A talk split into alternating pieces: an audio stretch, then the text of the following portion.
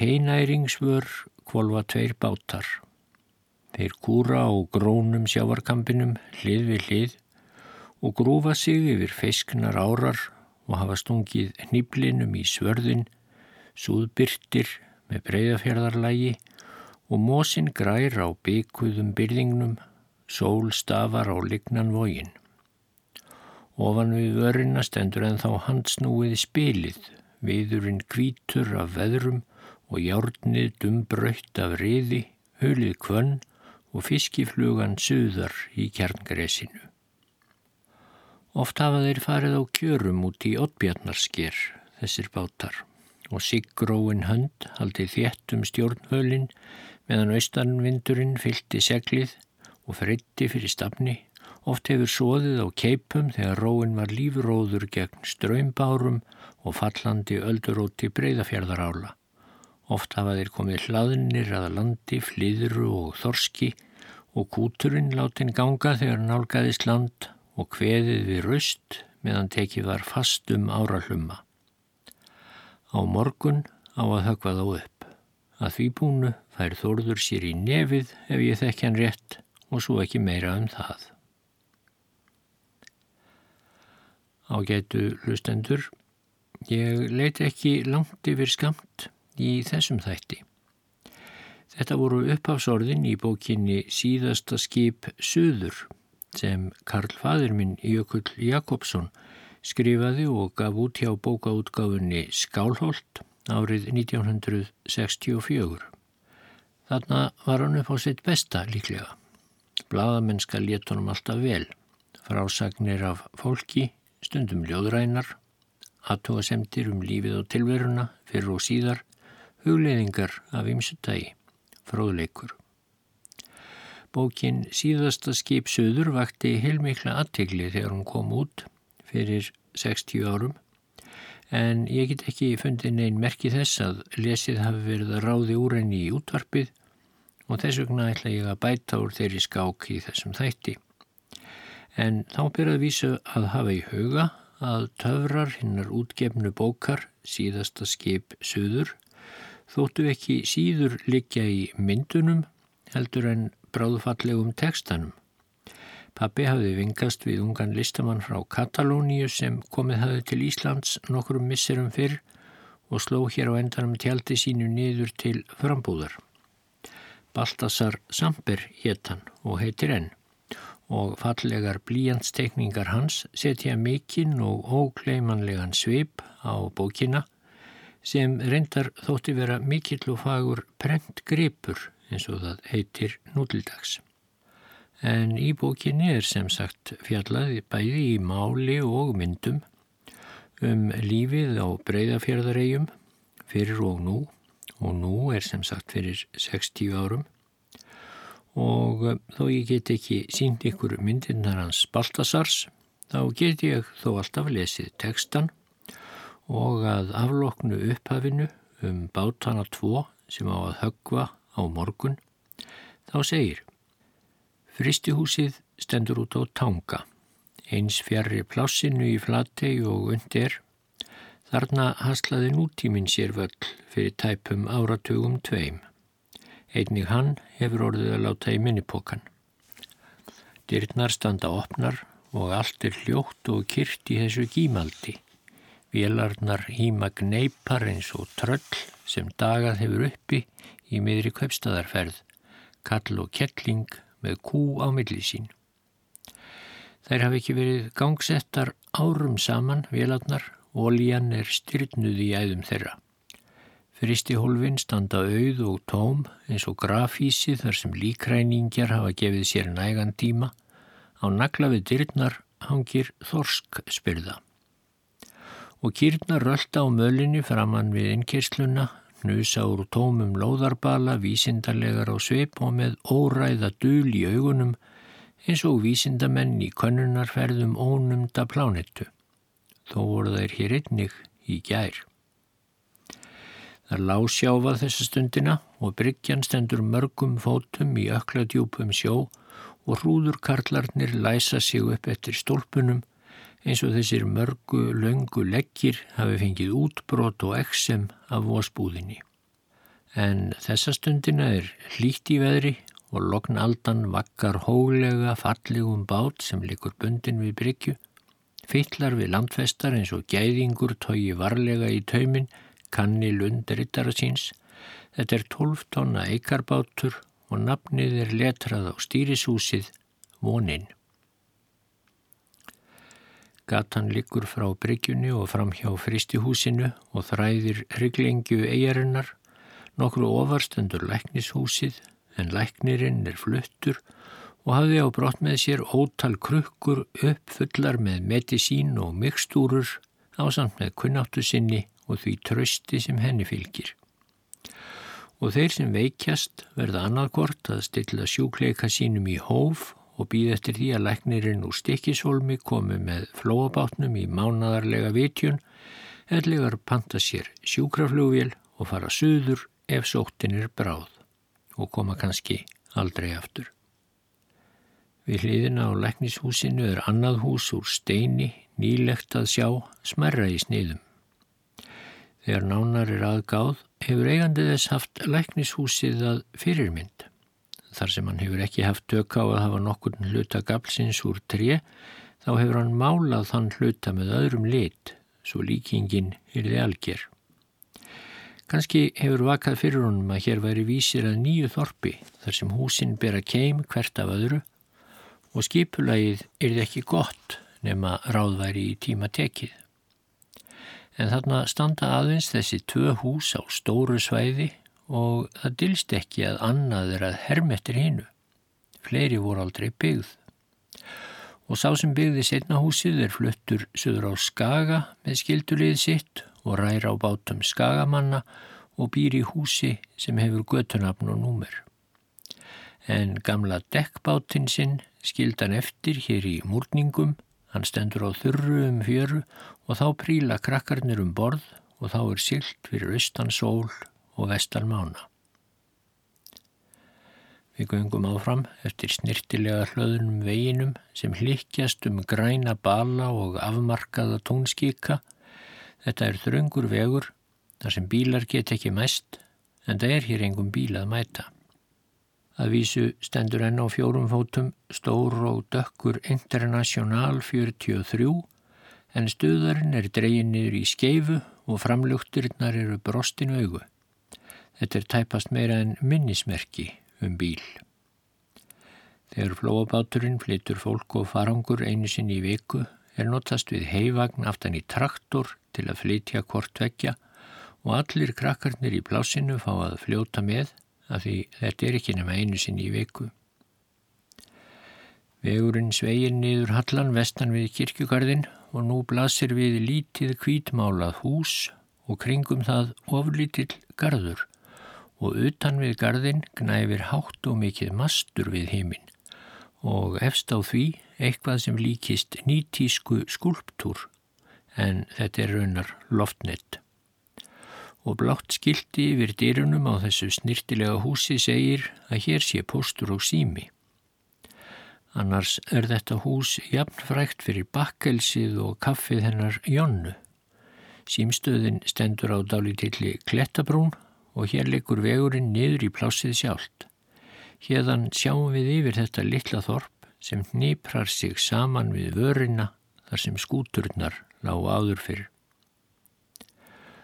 Húsinn standa saman í hnapp, flest tvílift timburhús, klætt hinnu óhjákvæmilega bárujárni sem myndi sóma sér í skjaldarmerki líðveldisins, flattur þorskur á gráu bárujárni. Eitt húsanna sker sig þó úr, háreist hús úr timbri, græn málað og skartar nekt sinni mitt í þessu bárujárni öllu.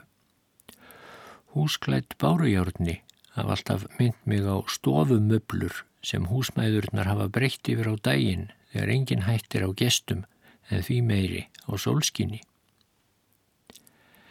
Þarna koma saman tvær göttur, mjóar, þar sem þeir koma hvora á aðra verður stort opið svæði og grænmálaða timburhús Íslands handel sem nú er í eigu hrepsins trónir fyrir enda þessa svæðis eins og Rósinborgarhöll við tíið torg.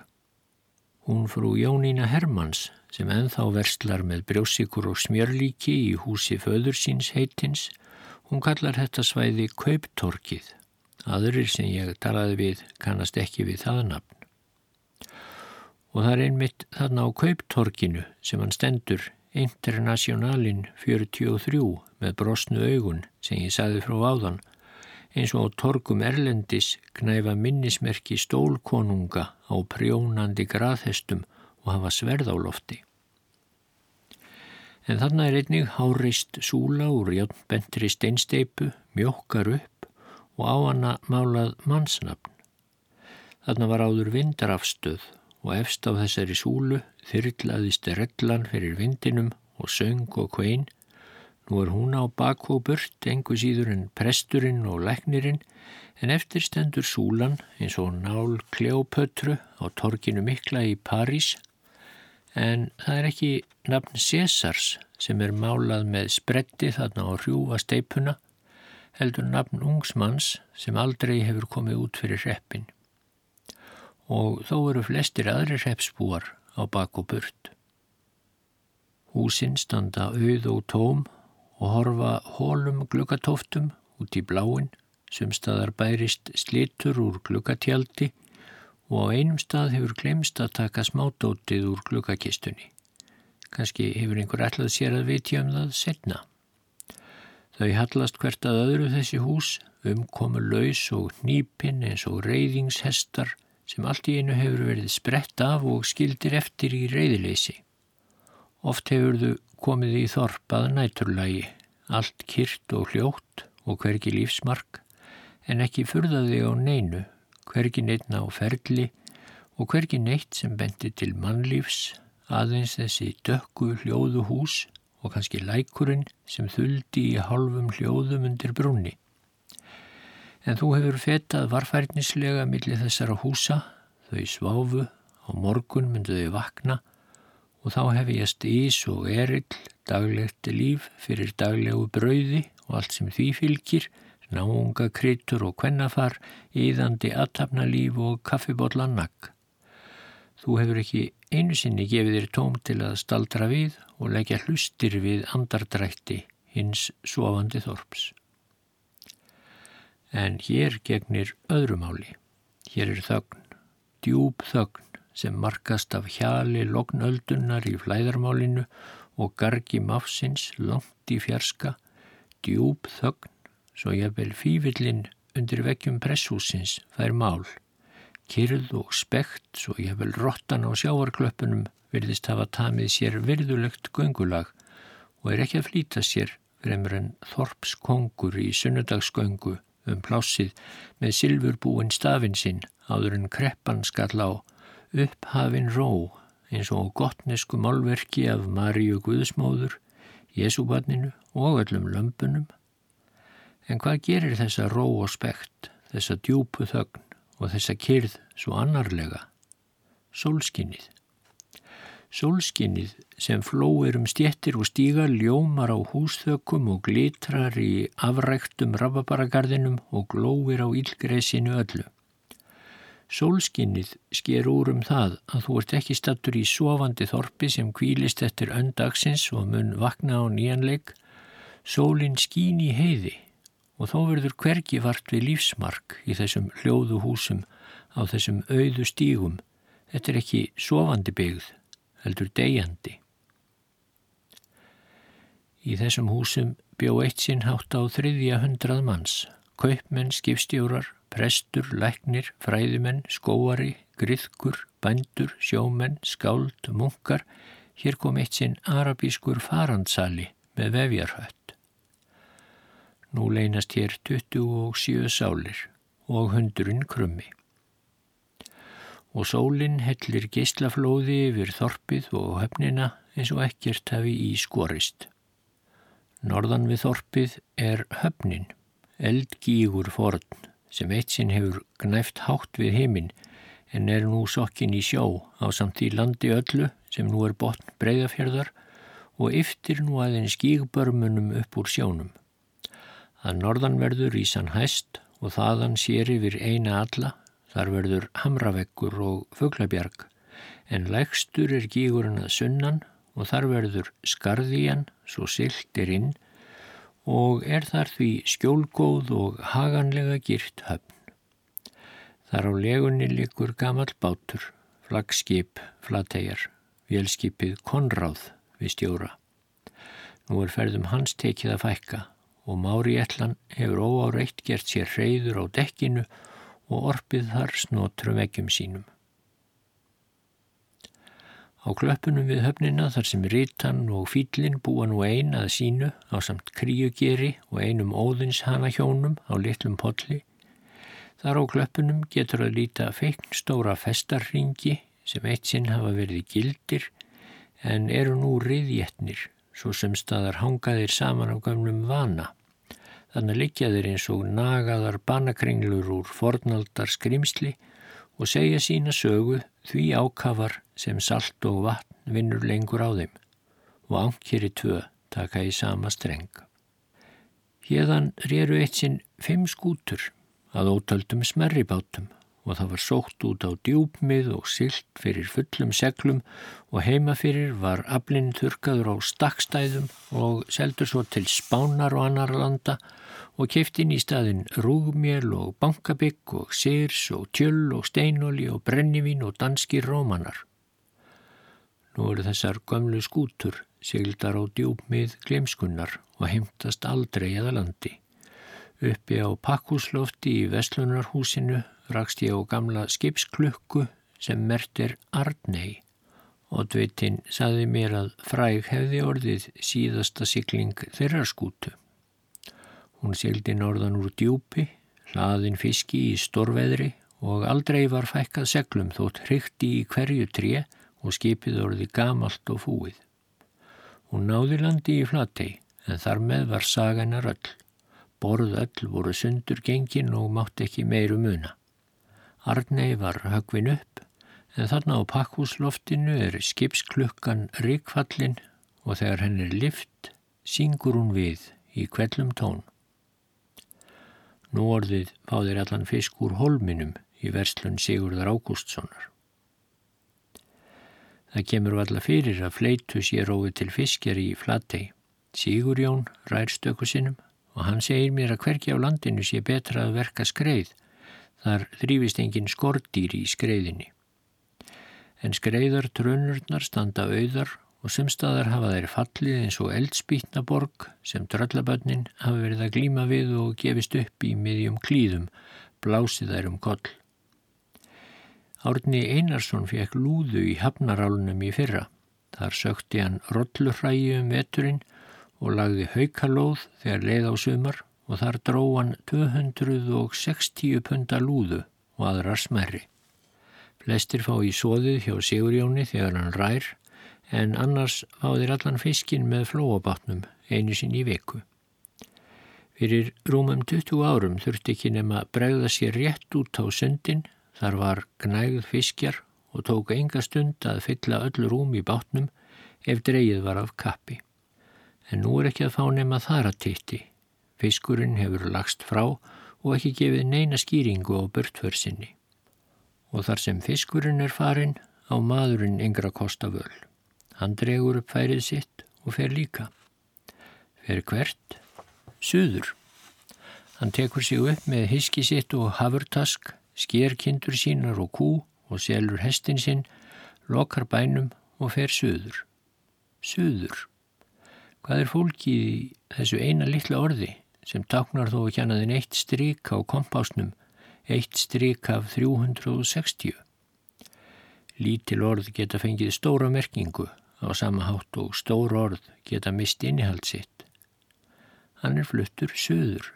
Hann er farin fyrir fullt og allt, eftirstendur hús hans tomt og aukt og kannski hefur hann kolt bátnum sínum á fjörukampinum og fengið gjaldfrest hjá sparisjónum. En sjálfur er hann farin söður og bönnin hans vaks ár grasi fyrir sunnan, þar sem þó er ekkert gras nema í kringum bensinstöðvarnar og tjörnina og fyrir sunnan ætlar hann að sjá sér farborða, afla sér viðurværis og leita fanga. Hann heldur söður í leita gulli, í leita lífshamingju eins og í eldhúsaróman söður í leitað sjálfum sér og þó fyrst og fremst í leitað fiski. Svona er maðurinn áður lífi fisksins og þó engum dauða hans. Flatei er ekki íkja stórtorp og þó eru þar förðumarkar verslanir. Ég hef áður minnst á Vestlunarhúsið, hús Íslands Handel og Fiskekompani Þar sem steinolíutunnurnar stóðu á stokkum í kjallaranum, kveitisekkirnir voru hýfðir með talíu upp á pakkúsloftið og klæðastrángar fylgtu allar hillur. Húsið er reist fyrir aldamót og þætti þó enginn kotungsbragur á vestluninni, jafnveg á okkar mælikvarða. Búðin er stór og mikill salur þar sem vítt er til vekkja og hátt til lofts. Hillur og skúfur eru nú allar tómar og kandi í sikurinn löngubúinn Á disknum stendur en þá spjald sem áveru fest nokkur sínisorn af manilatói af ýmsum gildleika.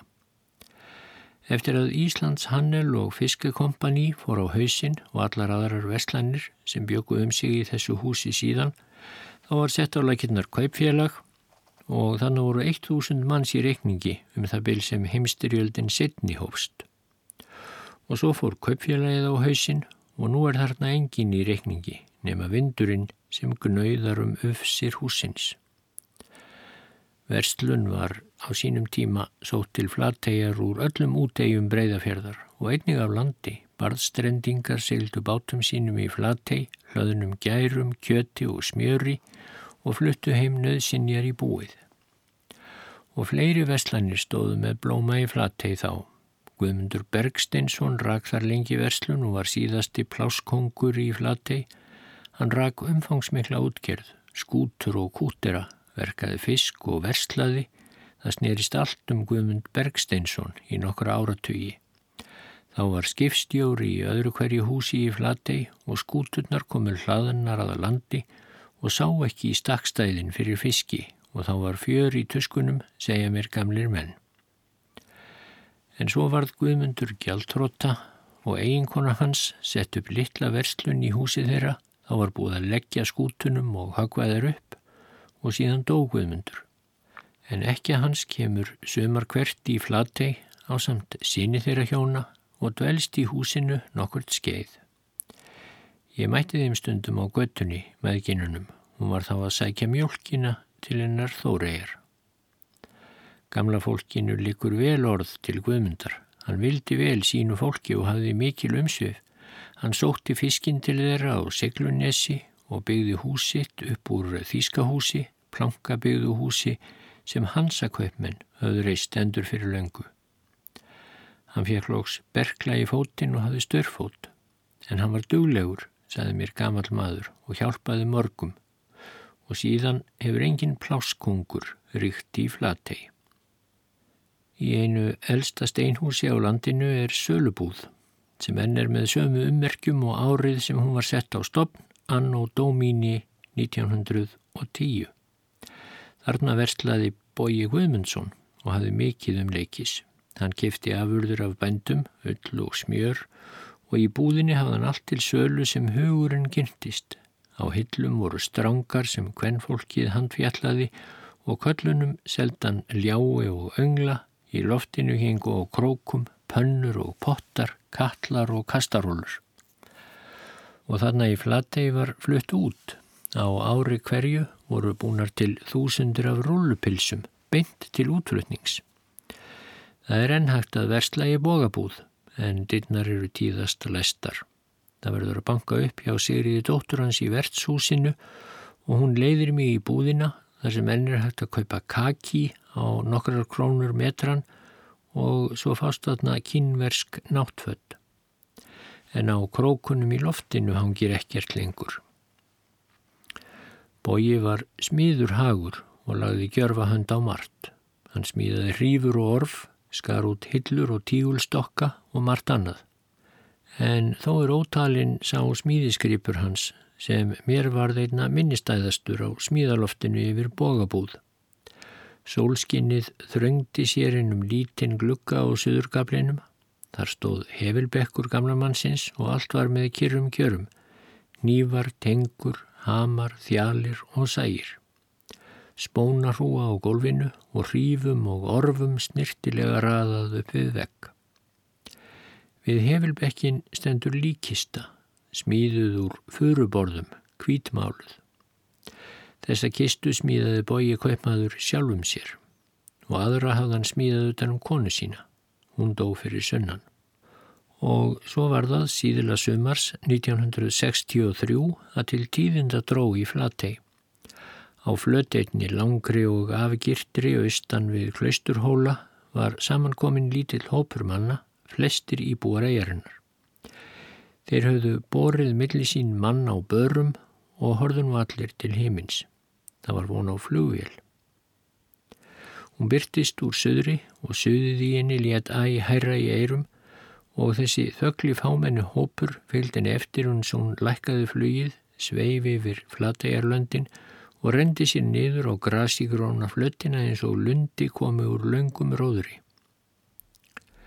Flugmaðurinn hafði hraðan á, tók nokkur sendibrefsöður og sveitungar boga kaupmann Skuðmundssonar lift honum varlega upp og kom honum fyrir í flugveilinni. Að því búinu var reyfillin restur og ný, velin hoppað af stað, jók hraðan, velarhljóðið varð samfeldar og þingra, Flugvílinn var komin á loft og bar snöggvast yfir fjöllin á barðaströnd, flög síðan í stórum sveigi í þá átt sem hún hafi komið úr. Fólkið horða á eftir henni og einhver lætti hönd að auga. Bói Kveipmaður var farin söður. En á smíðaloftinu yfir bógabúð stendur enn hefilbekkur hans og hamar og sög, spónarhúan á gólfinu og tvær líkistur.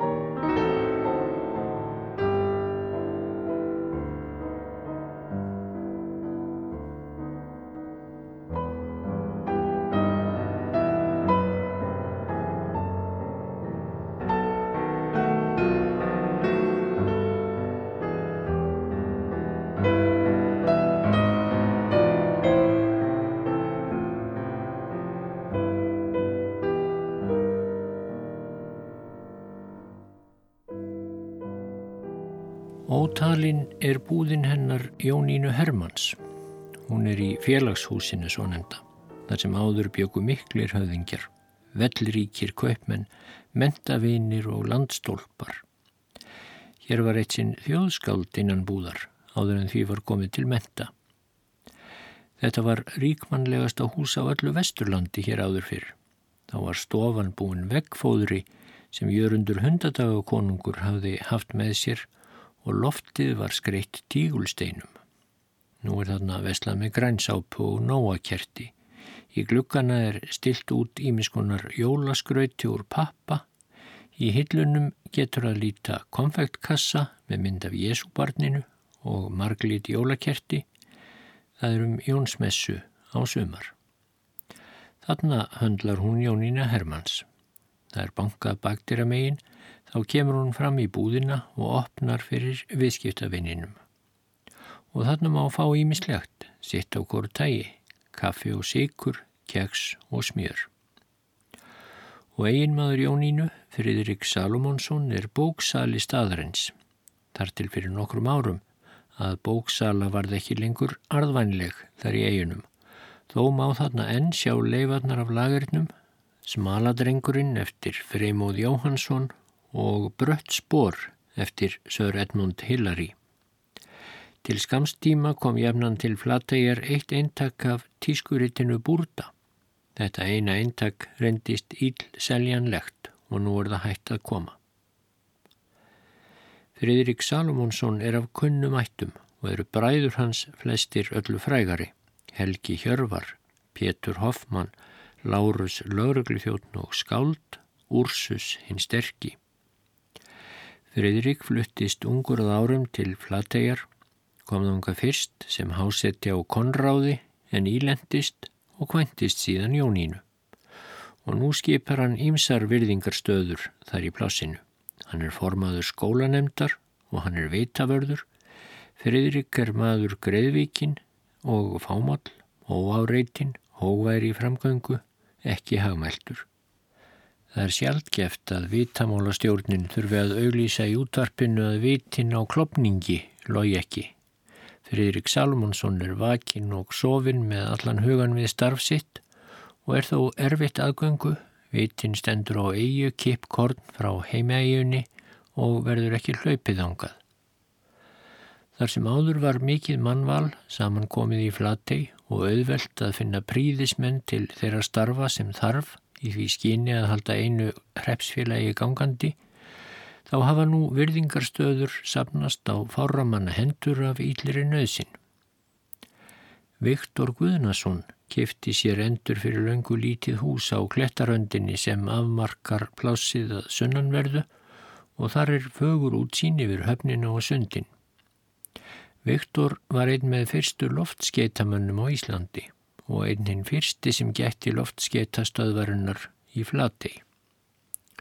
Svo var hann lengi í burtu, hann var á tógurum um árabil þar til hann snýri aftur heim og kefti sér þetta litla hús, dittaði að því á marga lund því það var komin fúi undir glukka, hann málaði það í hólf og golf og vart getur snirtilegra hús en símstöðina í Flatei og auk þessa ennbættis að vera post- og símamálastjóri þarna í plássinu, þá hefur Viktor Guðnason lengst að verið organisti og farist það vel úr hendi. Og nú á setni árum hefur hann einnig orðið að takað sér ennbætti oddvita og gerði það nauðugur. Þá hafði Steinn Ágúst gengt oddvita störfum með heidri og sóma um margar ára bíl en aldurinn færðist yfir hann. Steinn Ágúst þraukaði þó lengi í starfinu, honum var í brjóstalægin vestfyrsk segla og hann þótti lægin að fást við tölur en það fengist við ímsar útréttingar fyrir kaupmenn staðarins fyrir á árum. Steinn Ágúst er jafnaldri doktor Konrads Adenauers og það höfum við fyrir satt að hann hafi ekki viljað hlaupast úr oddvitastarfinu svo lengi sem jafnaldri hans þóttist færum að vera kanslari Þýskalands en jafn skjótt og Adenauer lagði niður völdin þá skilaði stein ágúst af sér öllum pappýrum hrepsins í Flatei. Sigriður Bógadóttir er bókavörður Flateiar bókasafns á samt Viktori Guðnarsinni. Fá að mun gruna að þar sé geimt elsta bókasafn landsins og eittið merkasta í gömlum timpurskúr fram á sjáarklöppum en þau Sigriður og Viktor hyrða um safnið eftir föngum og gæta handritana og hérna eldstu bóka eins og sjáaldurs augasins. Þannig eru bækur prentaðar á hólum og í rapsei. Þannig skiptast virðingarstöðurnar niður á þá fáu menn sem enn eru eftir í flatti. Repstjórin Gísli Jóhannesson býr þó í skálegjum en það er það friðsamt ennbætti í flattegarreppi og kemur ekki að sög þótt langt sé að fara. Skóli er í Flatey og var þar kennari til skamstíma með skólastjóru og nafnbót. Unst þar kom að nefendur reyndust ekki nema fjórir. Þá hljóp Íris, kona Sigurjóns undir bakka og hafði með höndum uppfræðslu barna í veturi leið og núna er örvæntum að kennari komi í Flatey. Fyrir fólkið það er allt í kirkjugarðinum. Það er grafið þrjár álnir í jörðin yður og grasið fær að sprettað vild á leiðum þess, sumstaðar hýlur njólin útflúraða jarnkrossana og þungir steinvarðarnir eru teknir að hallast á ímsavegu, skörð eru rofin í grindurnar kringum viðhafnar mikla fjölskyldur reyti og ærnar býta grasið á gröf Dannebróksmanna í ró og spekt. Innanum getur að líta umkomulöysa trekrossa, letrið á þeim er máð af vindi og veðrum og stöku stað er ekki örgrant um að glimst hafi að skrá nafnins látna. Í þessum gardi ber allt sveip fallvallleikans en fátt vitnar um eilífti líf, nema lampið sem kúrir undir háreistum steinvarða og æðarkollan sem likur á ekkjum við einn girðingarstöyrin. Sem staðar gæjast upp úr kaflóðunum grassverðinum, fornlegir steinar með máðu letri og mósin hefur löngulagt blæju fyrirskunnar yfir þá stafi sem forðum komu steinsmiðnum til að svitna við vinnu sína, klunnalega stafi fyrir alda sem fluttu hinn um látna Guðs blessun og bestu kveðjur. En þarna getur einnig að líta stærrilegsteina og viðameiri. Sumir hafa kostað allt upp í nokkur í jarðarverð og eru gerðir í Kaupmannhöfn á síðustu öld þegar glæsilegir leggsteinar voru í tísku, praktuglegar döðramanna möblur. Marmarasteinar, úthognir með rósaflúri og englamyndum og orðfærið á þeim eftir því. Það er eins og sáluhjálpin sé öll komin undir nógu glæsilegum reysupassa yfrum. Og þessi dýru úthögnu björg veitna ekki aðeins um mannkosti hins látna, þau veitna ekki síður um lánströst aðstandenda. Þó er það svo að einn stærsti og skrautlegasti steinnin í þessum gardi og sá sem kostað hefur flest í jarðarverðin Sá þeirra sem letraður er hvað stærstum stöfum, hann er ekki reistur kaupmanni og þaðan af síður dannebróksmanni, ekki síslumanni og því síður prófasti. Og það er engin forstandsmatróna sem kvílir undir þessum viðamikla steini, heldur tveggja ára piltbarn. Hér er lagður foreldrafagur Gimstinn, Bóji Brynjúlsson, Benediktsen, fættur 28. apríl 1849, dáin 22. september 1851, hjá sískinum sínum, Jærðrúði, Guðmyndi Haldóri, Guðrúnu Solvegu, Ragnheiði og Haldóru Sigríði er öll dóu á fyrsta aldursári og hefð síðastalda þegar á eftir honum. Hann lifði þennan stuttatíma raustur og vel heilbreyður, fagur limaður og að öllu sem best af Guði gefin, uns drepsótt á börnum. Svo er geysað yfir land allt, reyfan á burt, frá sítandi foreldrum, Brynjólfi og Herdísi Benediktsen.